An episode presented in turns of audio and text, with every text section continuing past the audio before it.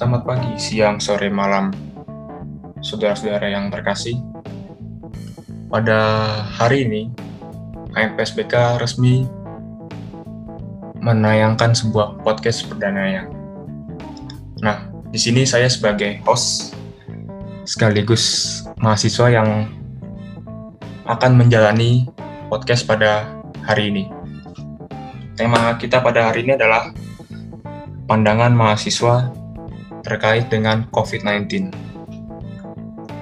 Di sini saya tidak sendirian, saya bersama dengan tiga mahasiswa dari Bimbingan dan Konseling Angkatan 2019.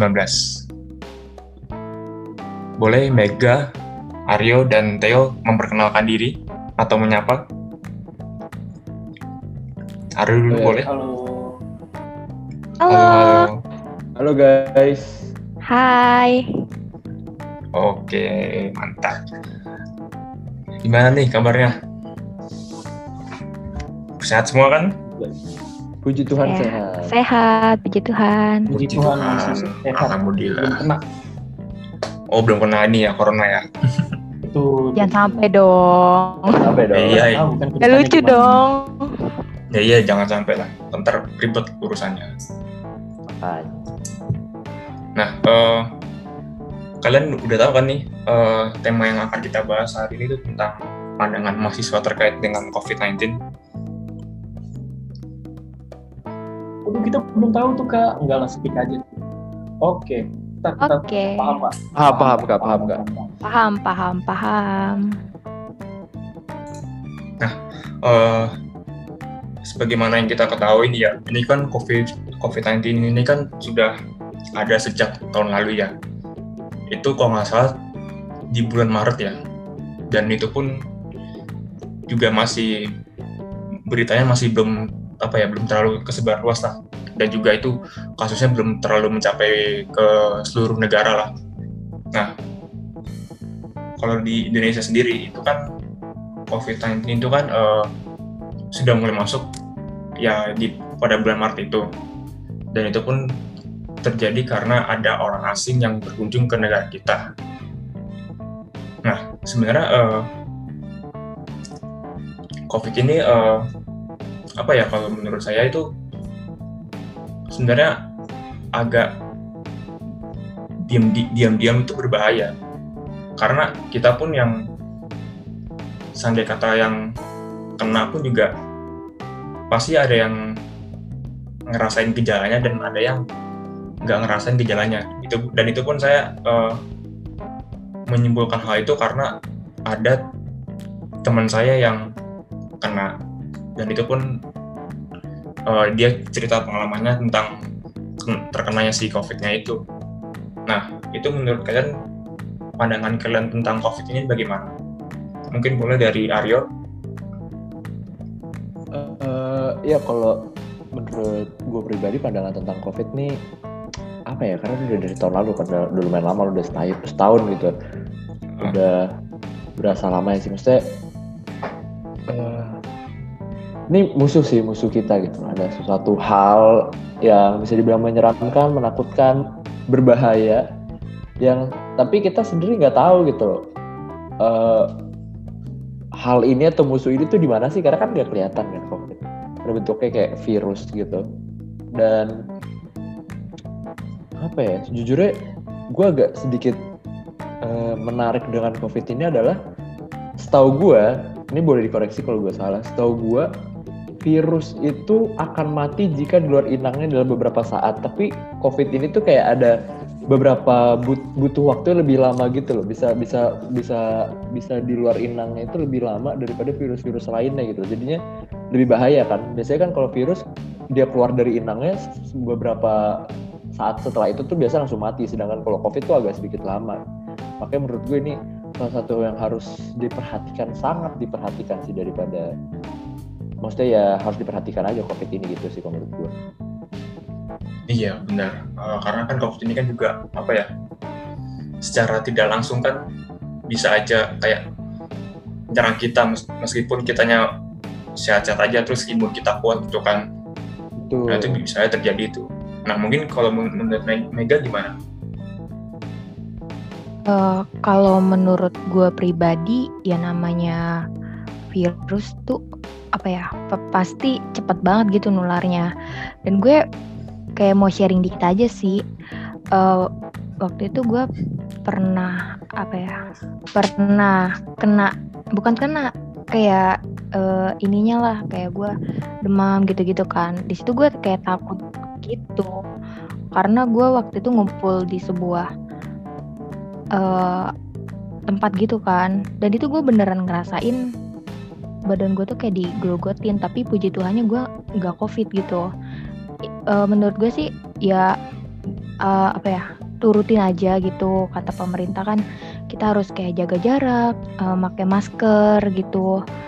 Pakai masker kemudian kayak cuci tangan gitu. Itu benar-benar berpengaruh sih. Soalnya kan eh, gue gue sendiri tuh kayak ngalamin gitu.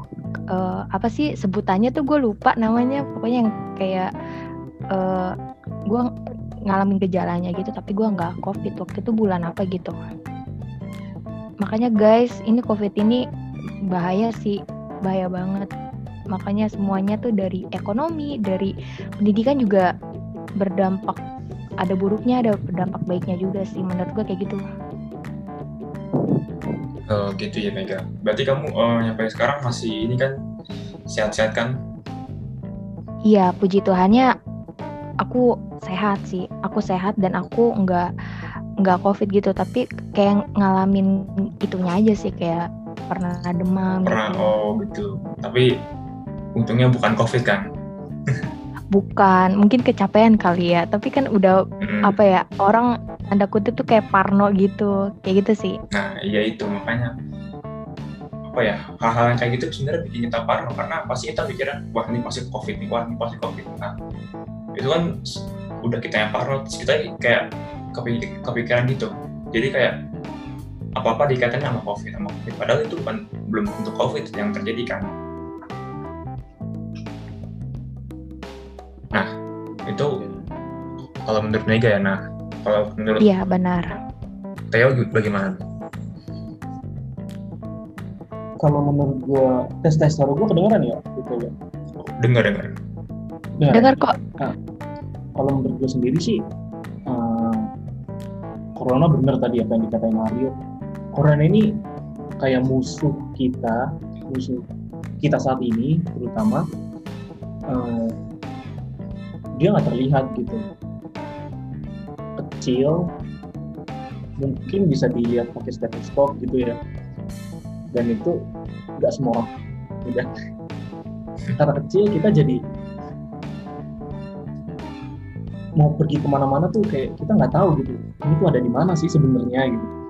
Bahkan kita kalau ngelihat orang aja nih kalau misalnya kasat mata kita nggak tahu nih orang tuh kena nggak gitu ada virusnya nggak? Nah itu dia makanya sama pemerintah kan kita udah disuruh gitu kan buat terapin 3M kan cuci tangan gunakan masker sama eh, apalagi satu apa mencegah kerumunan gitu.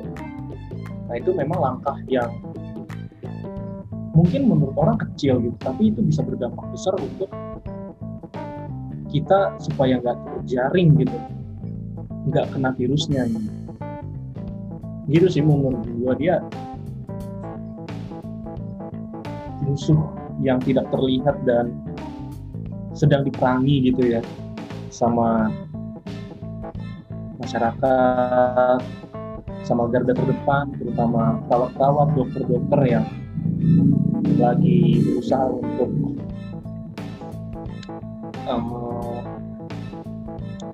ya untuk meminimalisir lah gitu pasien-pasien yang memang udah kena gitu cuman ya untuk teman-teman yang belum kena gitu ya jangan sampai lah gitu karena capek gitu kena covid ya terutama di rumah sakit apalagi udah bahkan gue pernah baca di mana gitu gue lupa.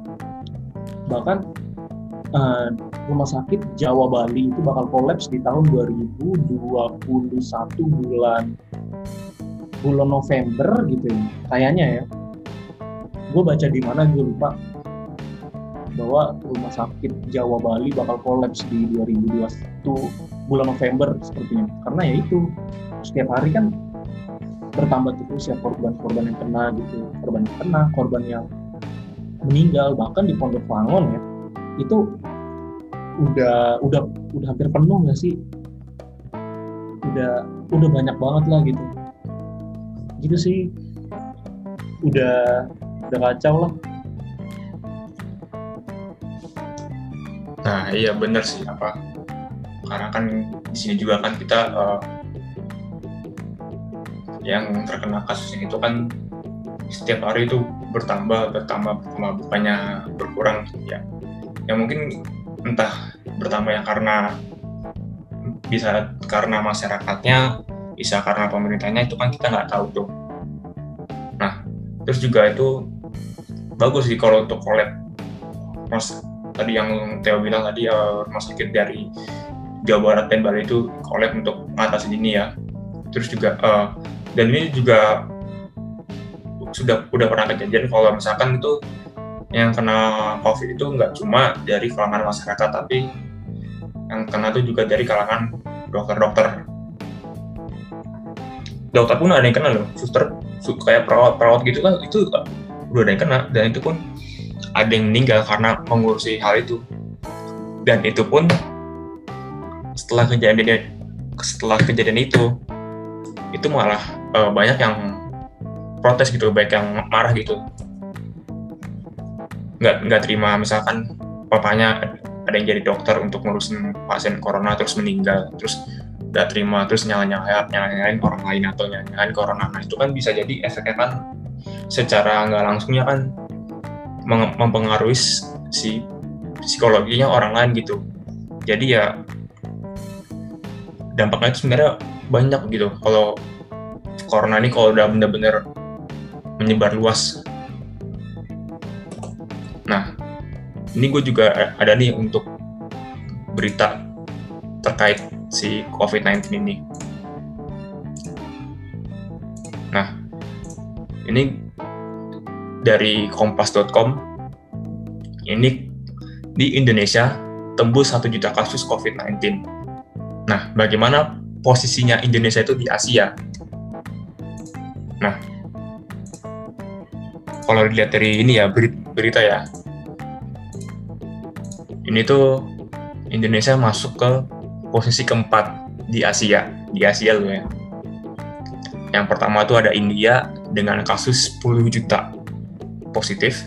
Yang kedua itu ada, ada Turki dengan 2,4 juta kasus. Yang ketiga itu ada Iran dengan 1,3 juta kasus. Dan yang keempat ya ini, si Indonesia ini kena udah masuk satu juta, satu jutaan lah. Dan ini pun uh, mungkin bisa dapat ini ya, apa golden play button ya dari YouTube. Enggak, enggak, bercanda. Nah, ini menur menurut kalian gimana nih? Yang kasusnya udah nyampe satu jutaan. Rekor muri kali ya. eh, masa rekor muri?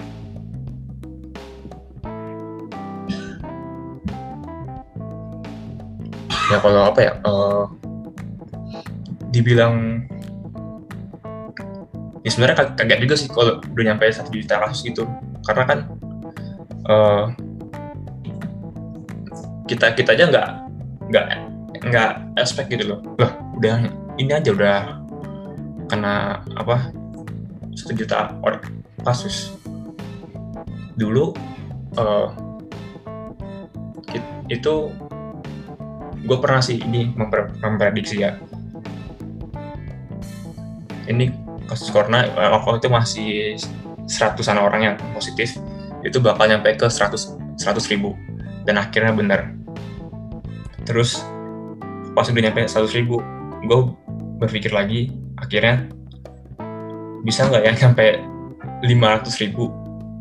Dan akhirnya bener kenyataan nyampe 500 ribu. Dan pikir lagi nyampe nggak ya ke satu juta? Eh beneran dong nyampe satu juta. Padahal sebelum itu uh, sebenarnya nggak mau saya kayak satu juta. Karena kan emang udah kasusnya udah emang bener-bener ini sih ribet ribet gitu loh. Kalau misalkan bertambah terus. Nah menurut kalian gimana nih kalau dengan kasusnya yang bertambah-tambah ini? Kalau menurut gue kak uh, apa ya waktu dulu tuh waktu kasusnya belum sampai 100 di kalau salah. Itu kita aja udah udah eh pada 100 gue lupa. Kan dulu awal-awal kita aja udah harus ngelakuin segala sesuatu hal dari rumah gitu kan.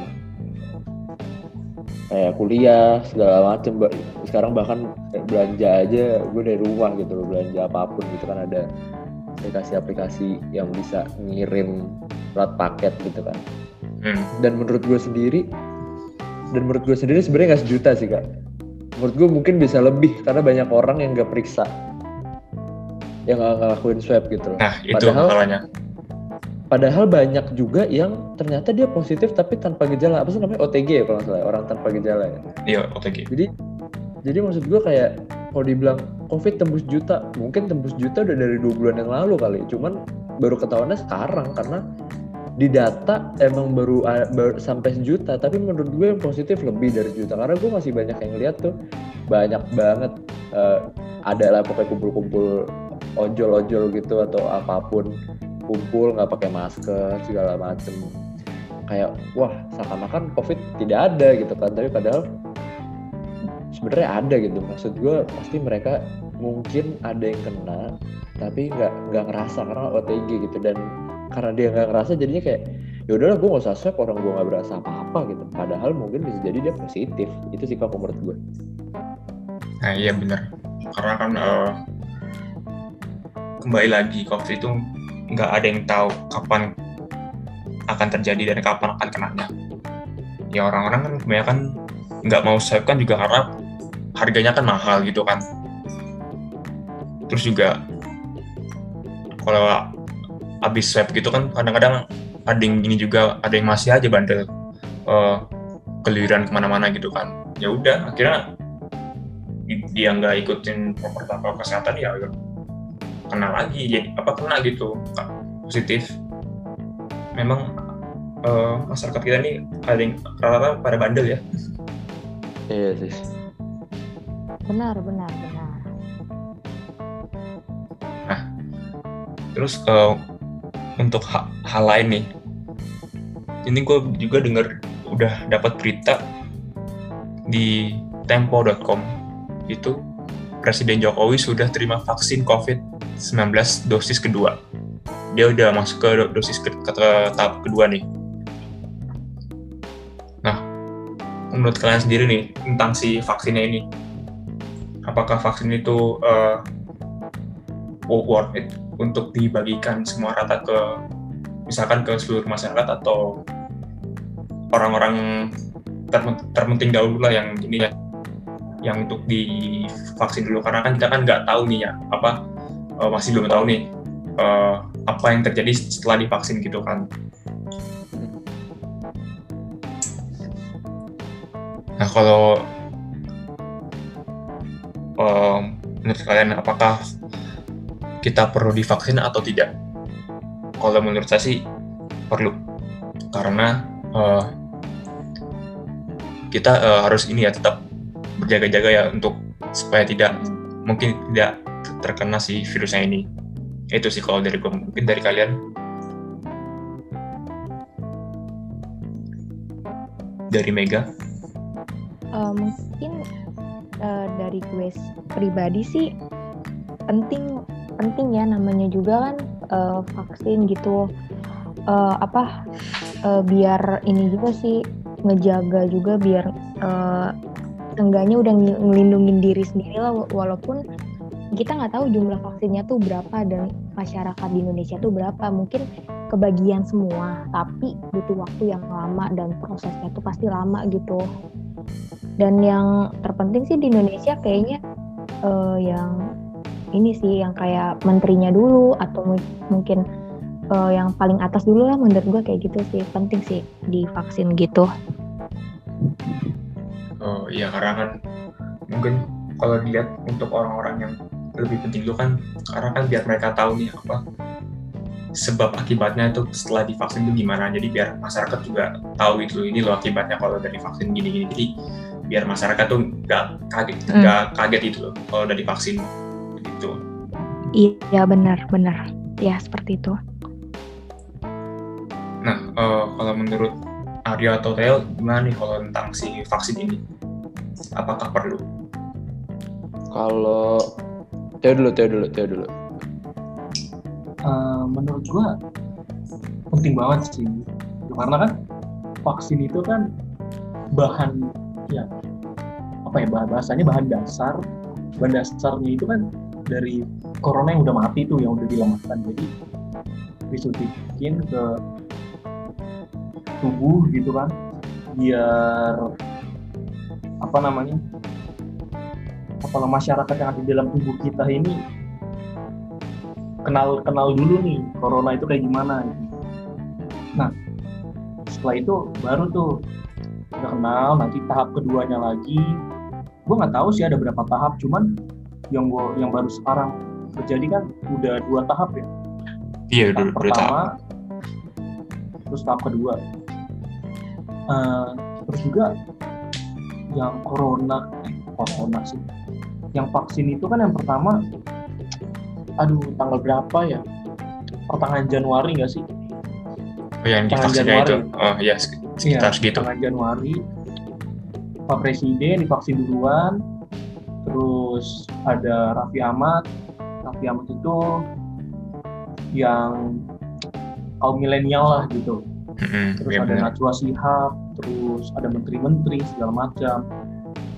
Nah setelah mereka divaksin, itu kan nggak langsung kayak kebal gitu kan. Setelah mereka divaksin, mereka dipantau dulu nih 30 menit nih mau mau lihat reaksi setelah divaksin tuh kayak gimana. Setelah 30 menit, kalau emang nggak ada apa-apa, ih pulang gitu. Tapi ya kenyataannya kan memang aman kan 30 menit pertama pertama nggak ada efek samping gitu dari vaksin itu. Eh, terus pemberian vaksin menurut pemberian vaksin tuh ada batas umurnya nggak sih kayak bukan batas umur sih yang di apa namanya diprioritaskan gitu kalau anak-anak muda pakai nggak sih maksudnya disuntikin nggak sih gua lupa Nah kalau itu eh, untuk gue baca-baca dari sumber-sumber corona itu, kalau vaksin gitu kayaknya eh, untuk semua yang gue baca tuh untuk semua kalangan bisa sebenarnya. Tapi nggak ini belum tahu pasti ya. Apakah harus orang-orang yang penting dulu untuk divaksin atau gimana ya? Ini masih belum tahu ya. Hmm. Nah, kalau orang-orang maksudnya tahap pertama ini kan masyarakat yang ya pemerintahan terus garda, garda terdepan lah perawat dokter segala macam menteri.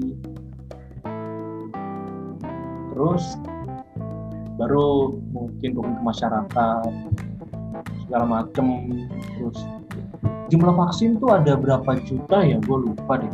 Pokoknya ada mungkin akan cukup sih. Itu bener kata Mega.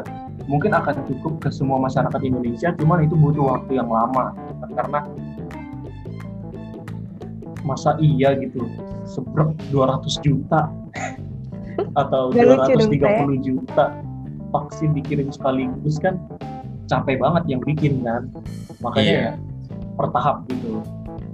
Mungkin menurut gua yang didahuluin itu tadi garda terdepan sama masyarakat masyarakat yang memang umurnya eh, tidak muda lagi mungkin. Hmm, gitu sih. Iya. Karena kan eh, ini juga vaksin yang udah dikirim di Indo- Indonesia itu terakhir gua lihat beritanya itu kan ada 1,2 juta. Dan itu pun masih sangat ku- kurang sekali untuk kalau masyarakat semua masyarakat Indonesia itu mau divaksin itu masih sangat-sangat kurang karena total semua kita kan ada, ada 200 juta kan itu jadi masih benar-benar inilah eh, kurang dan ya kalau misalkan untuk biaya ya ya semoga aja biayanya dikasih murah lah atau kasih diskon lah untuk kita. Karena kan uh, biar masyarakat juga semua kan pasti kan juga biar divaksin juga gitu dengan biaya yang murah. Nah, mau, mau, ini kalau menurut saya ya. Nah, kalau menurut Aryo sendiri bagaimana? Uh, kalau vaksin menurut gue penting sih karena kan ya kalau nggak penting nggak mungkin dibuat logika dasarnya gitu aja sih maksudnya kayak kalau kalau nggak berguna nggak mungkin dibuat gitu kan menurut gue penting dan uh, apa ya setahu gue tuh selalu pas disuntikin vaksin yang gue baca ya pas disuntikin vaksin lu harus nunggu seminggu dulu supaya tubuh lu buat antibody gitu deh pokoknya. Jadi tetap lu harus tetap pakai masker gitu jangan ntar udah uh, disuntikin vaksin terus lu pergi-pergi nggak pakai masker itu seakan-akan lu udah kebal gitu ya. Jangan tetap harus ada jaga jarak ya harus sering cuci tangan harus pakai masker gitu-gitu. Jangan seakan-akan lu disuntikin vaksin terus lu jadi ngerasa kebal dari virusnya gitu mending mencegah kan. Dan apa ya menurut gue kalau misalkan tadi yang kayak Karva bilang kalau bayar ya harganya di apa ya dimurahin. di disewajarkan lah disewajarkan uh -huh. jadi jangan takutnya kalau misalkan lu kasihnya mahal banget nanti masyarakat masyarakat yang di kelas menengah ke bawah atau yang di bawah nggak bisa untuk membayar vaksin itu. Padahal kan sebenarnya itu penting kan kalau misalkan untuk uh, apa namanya kesehatan kita semua gitu. Tapi kalau misalkan ntar masyarakat di bawah gue mikirnya kalau misalkan masyarakat di bawah dikasih gratis ntar yang menengah ke bawah ada rasa iri kan kok yang itu kasih gratis gitu gitu. Mas, makanya mendingan harganya dipatakan aja gitu. Dan menurut gue kalau vaksin vaksin dateng yang paling penting itu sebenarnya dokter sama perawat-perawat dan yang di garda depan sih menurut gue polisi tentara gitu-gitu yang yang lu jagain gitu. Lu tuh yang ingin lu tuh yang ketemu duluan gitu sama virus covid gitu kan kalau kayak kita kita gini masih bisa nunggu gitu sih. Kan kita juga di rumah kita nggak ada kepentingan keluar sebenarnya kan. Kita ngelakuin uh, pendidikan perkuliahan kita juga dari rumah. Jadinya menurut gue yang penting-penting tuh garda depan dulu sih sebenarnya. Itu sih kak. Nah iya benar sih. Gue, gue setuju sih. Sama pendapatnya uh, kalian yang bertiga. Karena kan emang garda terdepan itu harus menjadi panutan untuk kita semua sebagai masyarakat ya karena kan mau nggak mau kan sebagai apa ya pelindung juga untuk kita kan. Jadi supaya masyarakatnya itu bisa mengetahui uh, oh ini ini toh kalau misalkan udah divaksin oh ternyata vaksin itu gini toh gitu gitu jadi masyarakat tuh nggak panik nggak apa ya nggak apa sih istilahnya tuh nggak uh, kepikiran lah tentang si vaksin ini. Nggak nggak dianggap itu negatif gitu. Jadi ya masyarakat bisa aman, tentram, damai. Udah gitu aja sih yang yang maunya di masyarakat ya. Ya bener kak bener. Gue mau nambahin. Oke boleh teh. Tes tes. Mana? Aman aman. Vaksin itu vaksin setahu gue emang gratis kan ya. Pemerintah emang udah nyediain dana buat vaksin ini buat gratis ke seluruh Indonesia Iya. Gue baca di sini ada di dari covid19.id, pemerintah menyampaikan bahwa vaksinasi COVID-19 gratis dan tanpa persyaratan apa pun, termasuk tanpa persyaratan keanggotaan dan aktifan di BPJS Kesehatan. Jadi langkah pemerintah menurut gue udah cukup baik sih dalam penyediaan vaksin dan ketersebaran vaksin itu gitu dengan diberikan gratis jadi masyarakat nggak perlu bayar lagi nggak perlu pusing lagi aduh gue dapat vaksin apa enggak ya? Aduh vaksinnya mahal banget. Enggak gitu karena pemerintah emang udah kasih gratis gitu udah udah enak lah pokoknya tinggal menurut kacamata bukan kacamata menurut mata gue eh, tinggal masyarakatnya sendiri sih itu mau divaksin atau enggak gitu. Karena adalah beberapa masyarakat beberapa masyarakat yang memang agak kurang setuju untuk divaksin gitu entah mungkin pengalaman mereka pribadi atau mereka dapat informasi-informasi yang salah gitu yang kurang tepat. Jadi mereka memilih untuk kayaknya gue nggak divaksin deh. Gitu sih. Uh, iya iya. Kadang ada juga sih yang malah karena banyak alasan tertentu yang ya emang nggak bisa kita paksakan untuk untuk harus divaksin gitu kan ya tapi setidaknya untuk masyarakat kita mungkin uh, tetap ikuti protokol kesehatan. Nanti jika uh, pemerintah sudah menganjurkan untuk menyuruh semua masyarakat untuk divaksin silakan divaksin. Tapi kalau misalkan nggak mau karena alasan tertentu ya udah itu nggak masalah ya. Karena kan itu kan sudah menjadi keputusan pribadi masing-masing kan mau divaksin atau enggak karena kan yang namanya vaksin ini kan menurut kita kan juga penting banget karena untuk salah satunya adalah mencegah ya si covid ini gitu nah oke okay. uh, eh, kita sekarang akan masuk ke analisis dari terapi realita. Nah, kita ini nih mau menghubungkan nih apa sih hubungannya si COVID-19 yang terjadi sekarang dengan hubungannya dengan terapi realita ini. Nah, di, di dalam terapi realita ini kan kalian kan udah ini ya belajar tuh tentang uh, basic apa basic-basicnya tuh ada apa aja. Nah, salah satu basicnya dari si Dr. William Glasser ini itu ada ada love and belongings atau cinta, kemudian ada power, ada kekuatan, yang ketiga ada fun, kesenangan, yang keempat ada survival atau bertahan hidup, yang terakhir ada freedom, kebebasan. Nah, kalau menurut kalian nih, uh, bas, uh, basic dasar itu yang pas dengan COVID ini tuh menurut kalian tuh apa? Mungkin boleh dari Aryo. Kalau menurut gue ya kak, uh, dari COVID ini sebenarnya basicnya adalah freedom sih kak. Kita, maksudnya kalau untuk uh, orang-orang kayak kita gini yang kayak udah dari awal tahun 2020 kalau salah kan udah di rumah terus. Jadi kadang tuh kita membutuhkan kebebasan gitu sih kak. Ketika harus di rumah terus dan ya pasti dong sekali-sekali kan kita pengen keluar segala macam tapi kita dikekang karena kita nggak boleh kalau keluar beresiko segala macam kita udah kadang tuh gue suka kesel sih sama orang-orang yang masih sering keluar dan kita yang nahan-nahan di rumah gitu lah kayak jangan keluar deh jangan keluar deh bahaya segala macam tapi masih banyak gitu lah yang kayak nongkrong sih nongkrong sana apalagi nggak pakai masker gitu Nah, Jadi iya. kalau keluar keluarnya secara ada hal-hal yang penting atau mendesak itu, gue masih bisa apa ya masih oh oke okay lah gitu. Tapi ketika lu keluarnya yang kayak nggak terlalu mendes mendesak, nah itu tuh yang kadang kayak aduh gila, gue udah di rumah lama-lama, lu nya keluar keluar gitu kan kayak ngerasa apa ya?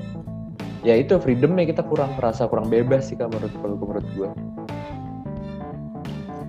Oke, berarti kalau menurut Ariel dilihat dari si segi ini ya kebebasan ya.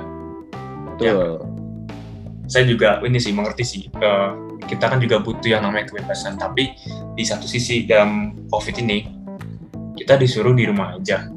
Oke kita udah ikutin protokol kesehatan seharusnya ada di rumah aja jangan pergi-pergi jangan ke tempat ramai segala macam. Tapi di sisi lain juga ada aja orang yang ah gue bosan di rumah gue keluar lah pergilah hangout sama teman-teman atau gimana atau nongkrong lah bosen di rumah terus nah tapi di situ dia secara tidak sadar bisa bisa aja dia kena si corona meskipun oke okay, dia udah dapat kebebasannya dia tapi dia tuh mungkin bisa aja nggak sadar gitu loh jadi ya oke okay kita kita mengerti untuk dari segi ke, kebebasan tapi kita juga mengerti dengan kondisi kita pada saat ini. Itu mungkin untuk dari segi kebebasannya atau freedom. Nah, kalau menurut Mega bagaimana nih? Dari kelima bagi basic ini. Uh, sama sih sama kayak si Aryo freedom sih menurut gue kurang lebih ya ini ya semua orang juga pengen bebas gitu ya tapi namanya juga kan kondisi kayak gini juga kita harus mengerti juga gitu kita juga harus tanggung jawab apa yang akan kita mau lakuin gitu. Misalnya kita mau ke sini kita tuh harus punya tanggung jawab sendiri gitu. Kayak oh gue mau ke sini gue harus kayak gini bla bla bla bla. Berarti gue harus tetap sehat. Kayak gitu sih menurut gue sama aja sih. Gitu. Hmm, berarti menurut Mega sama ya kayak ada yang dari segi freedom. Hmm. Nah kalau dari Oke, nah mungkin ada ta- tambahan lagi dari Theo atau bagaimana? Hmm, gue sama sih. Sama aja ya. Juga, iya.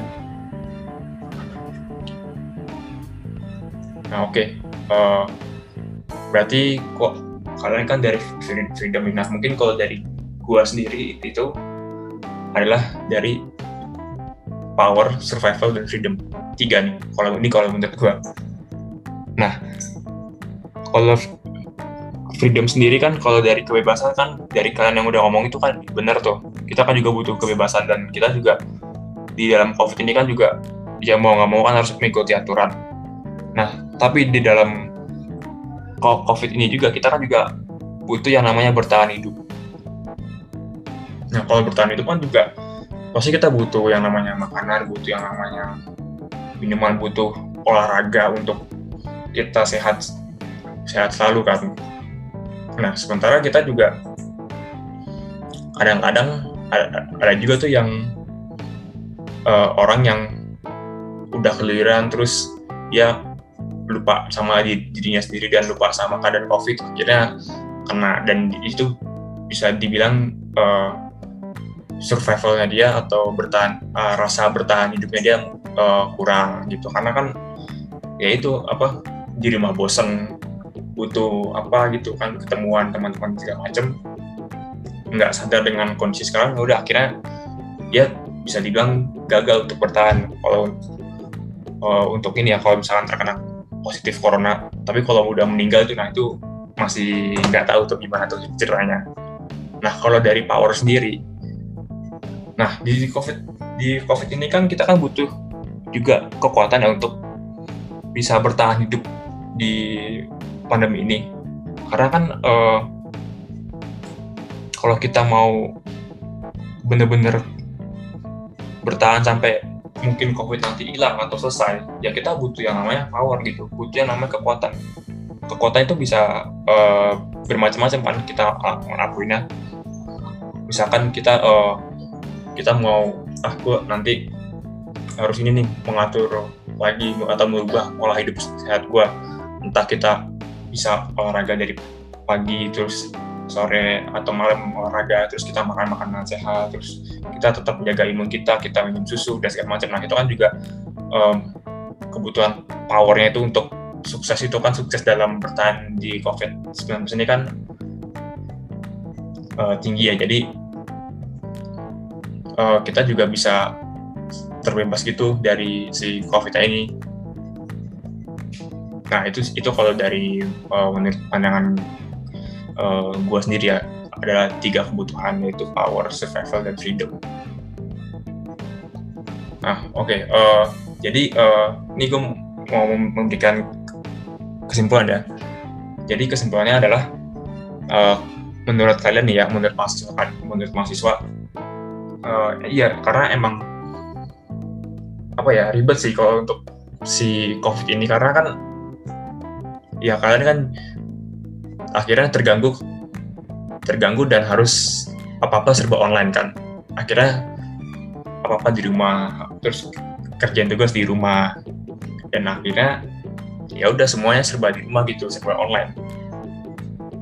Tapi eh, dari eh, apa yang kalian bicarakan sebelumnya tadi tuh juga ada yang ada yang ini kan juga kan eh, terkena demam juga karena itu eh, dari kalian itu sudah sebenarnya sudah eh, bisa bertahan sampai sejauh ini gitu loh. Dan akhirnya itu pun puji Tuhannya bukan karena COVID. Nah, terus eh, sama satu lagi tambahan, Eh, mungkin dari mahasiswa nih ya, Eh, mungkin ada tambahan lagi dari kalian bertiga.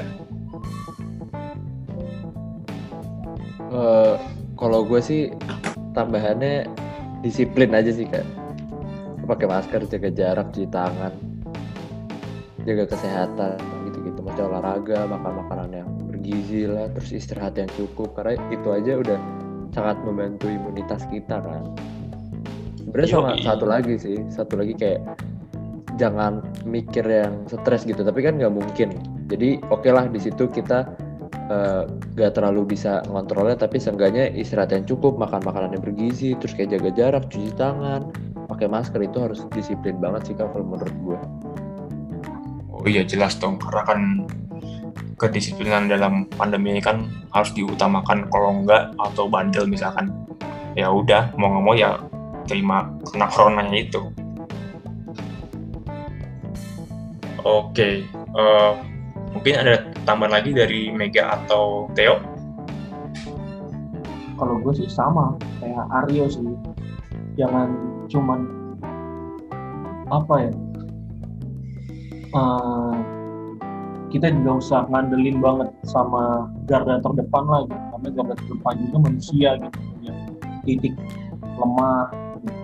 kalau misalnya garda terdepan kita perawat kita pada misalnya ya amit-amit banget. Gitu kena gitu kan. Siapa yang mau rawat? Tidak ada. Bisa musnah ini negara kalau misalnya pada apa ya susah gitu. Kebal. Ya pokoknya disiplin lah gitu. Jangan kerasin kepalanya. Kalau dibilangin jangan keras lah jangan ego. Gitu sih. Iya betul, karena kan kalau garda terdepannya tumbang semua kan ya udah mungkin populasi di Indonesia bisa punah. Karena itu. dia Iya benar-benar. Nah, makanya ya semoga eh, untuk COVID kali ini semua diberikan kesehatan yang cukup, eh, jaga pola makan, pola tidur dan segala macamnya olahraga yang penting, dan juga tetap ikuti protokol kesehatan dari pemerintah. Mantap. Oke, eh, sekian dulu un- untuk podcast kita pada hari ini. Sampai jumpa lagi di podcast-podcast kita yang selanjutnya. See you in the next time. Bye-bye. thank you guys bye bye Bye.